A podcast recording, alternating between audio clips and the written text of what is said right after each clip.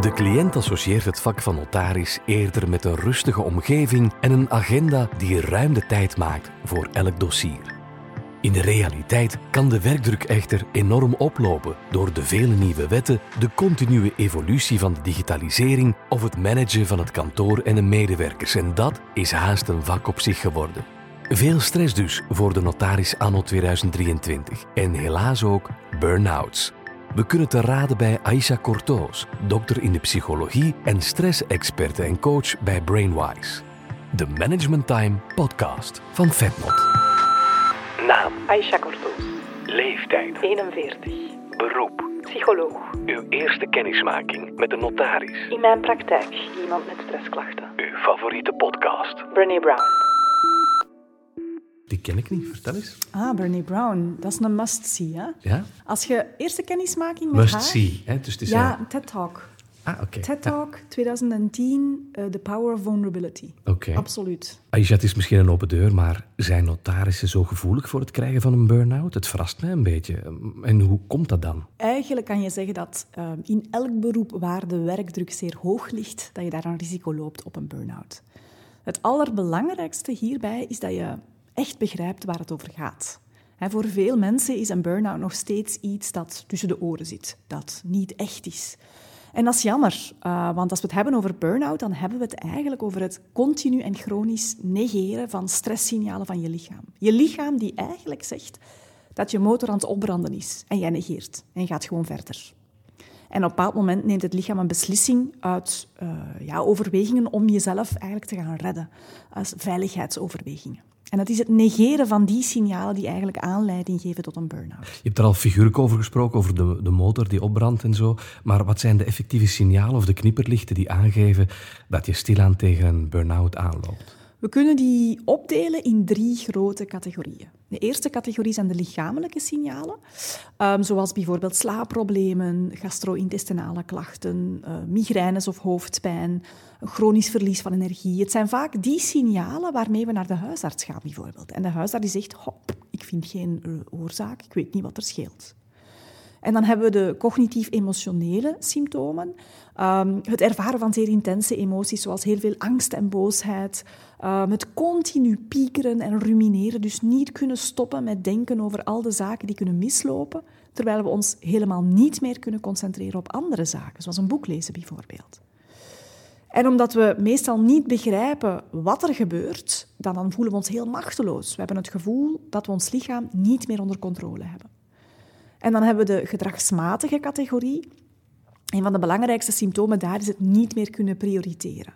Mensen hebben het gevoel dat alles even belangrijk is en dat je ook alles onmiddellijk tegelijk moet gaan aanpakken. Wat onmogelijk is, want we kunnen niet gaan multitasken. Ehm, maar toch proberen we dat, waardoor we fouten gaan maken, waardoor we veel te veel energie verbruiken, waardoor we trager gaan werken. En we gaan ook veel sneller kleine frustraties uiten naar collega's of andere mensen. En omdat we onszelf niet meer herkennen in dat soort gedrag, gaan we eigenlijk afstand nemen. Afstand van het werk, afstand van onze collega's en ontstaat er zoiets als een soort van psychologisch isolement. Op het notarieel congres van september 2022 getuigde notaris die af te rekenen kreeg met een burn-out. Hij vertelde dat zijn agenda altijd overvol was en dat hij nooit nee durfde te zeggen.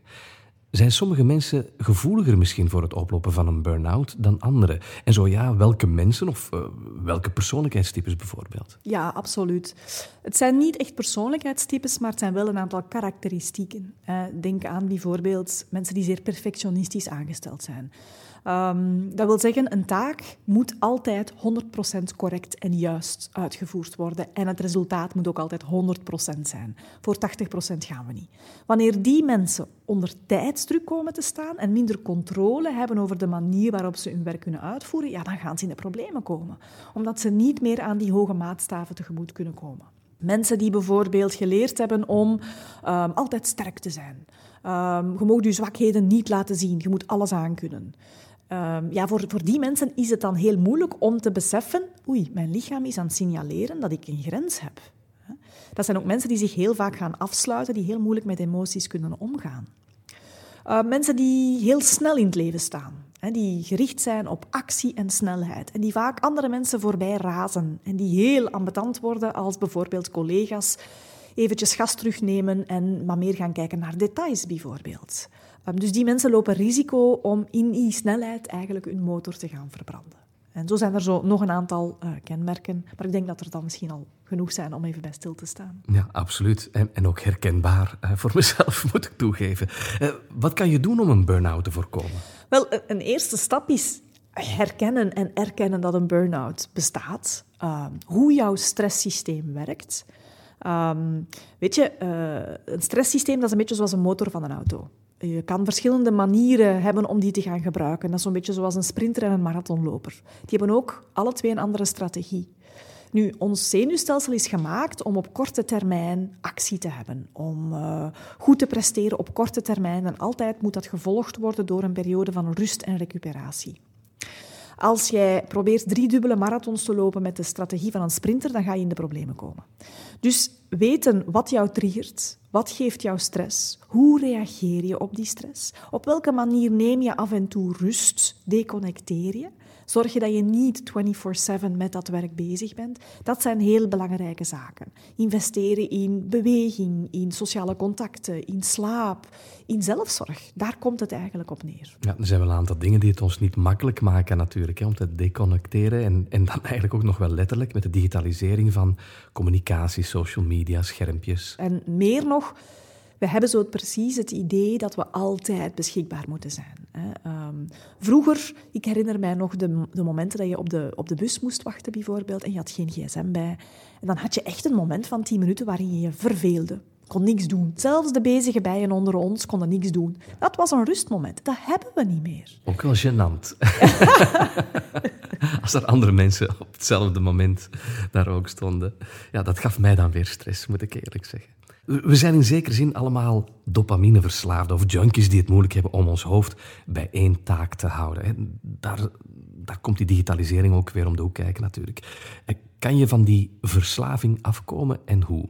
En, niet alleen als je op vakantie bent. Ja, dat is een goede vraag eigenlijk. Um, het is een verslaving. Dat wil zeggen dat er niet zoiets als een knop bestaat in je brein die je kan induwen en voilà, dan is dat weg. Um, als we dopamine afhankelijk zijn, dan gaat jouw aandachtssysteem zich een beetje gedragen zoals een ongedisciplineerde puppy.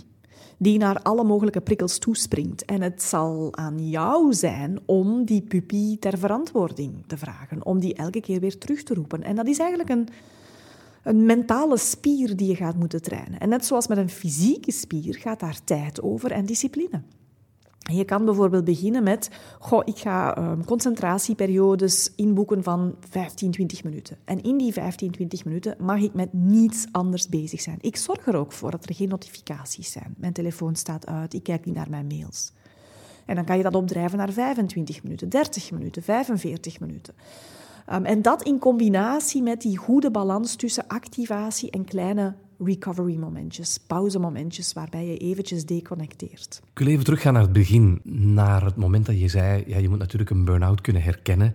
En we hebben, denk ik, de voorbije jaren wel vaak gemerkt dat mensen uh, een verkeerd onderscheid maken, of een verkeerde vergelijking maken, beter gezegd, tussen een depressie en een burn-out. Want dat is niet het, hetzelfde. Waarin ligt dan precies het verschil? Een depressie is een gemoedsstoornis, terwijl een burn-out een energiestoornis is.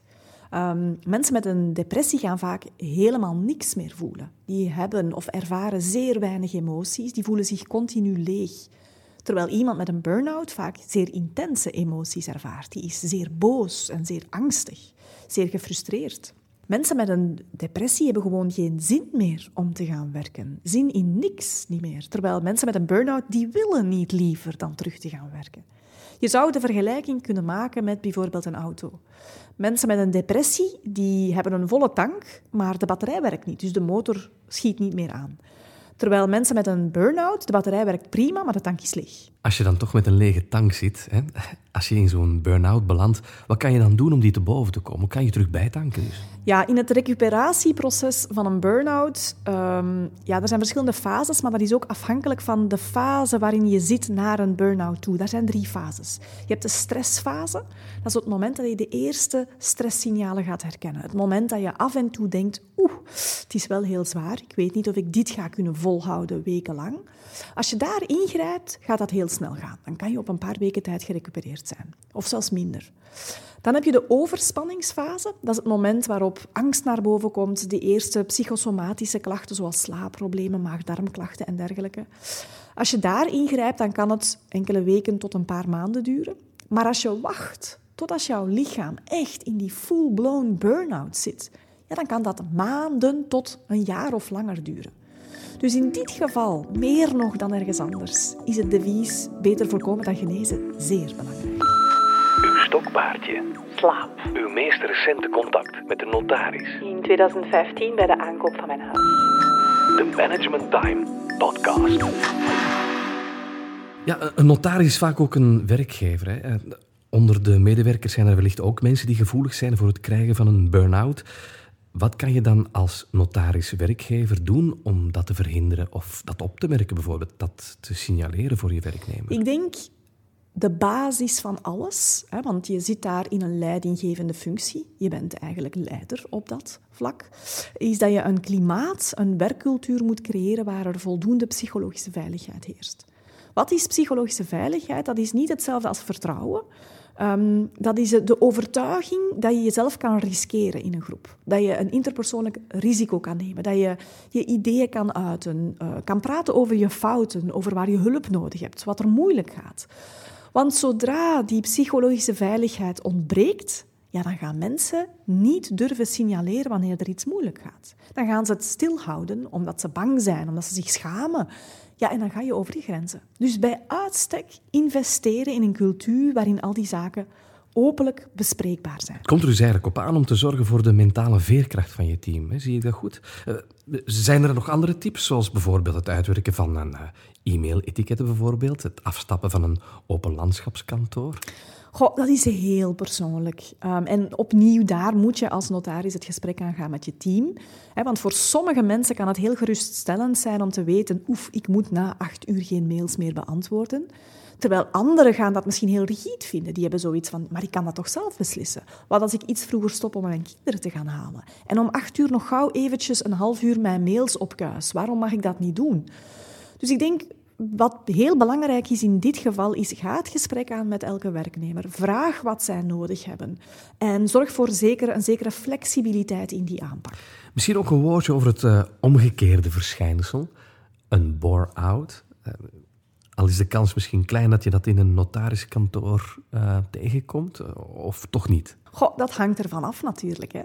Um, wat is een bore-out? Een bore-out wil zeggen dat je onderprikkeld bent. Dus dat je niet voldoende uitdaging hebt. En dat hangt allemaal samen met wat voor iemand je bent. Ben jij iemand die graag nieuwe prikkels ervaart, nieuwe dingen leert, wil groeien in een bedrijf? Um, of ben je eerder iemand die zegt, geef mij maar de 9 to 5 met mijn taken die ik elke dag opnieuw uitvoer. Dat geeft mij veiligheid en dat doe ik het liefst. Dus opnieuw is daar het belangrijkste dat je dat gesprek kan Dat je ook als notaris is bevraagd, waar ben je eigenlijk goed in? En heb je het gevoel dat je jouw talenten ook effectief kan gebruiken in de job? Heb je het gevoel dat jouw job een zekere impact heeft? dus feedback geven over hoe mensen werken en niet alleen het resultaat. Dat is ook heel belangrijk. Geef mensen ook feedback over de moeite die ze doen. Als je ziet dat een team heel veel effort heeft geleverd, maar het resultaat is er niet altijd, beloon ook die effort. Dat zijn allemaal zaken die, die positieve bevestiging en prikkeling kunnen geven. Zelfs als er bepaalde taken zijn die een beetje saaier zijn. Ja, misschien ook interessant en ook een omgekeerde beweging weer.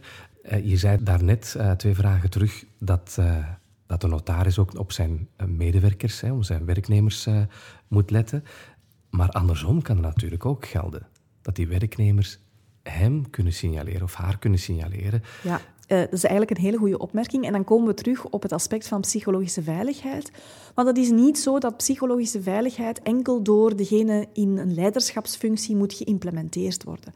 Psychologische veiligheid wordt gedragen door elk lid van een groep. Ja. Maar je zit ook wel met die hiërarchie natuurlijk. Hè? Die notaris die op een bepaalde manier, en we spreken nu over een aantal decennia geleden, toch wel heel hoog op de maatschappelijke ladder stond. En dat ja, zeer ongebruikelijk was om een opmerking te maken naar meneer of mevrouw de notaris op dat moment. Ja, maar dan zien we ook de algemene verschuiving in leiderschap. Hè?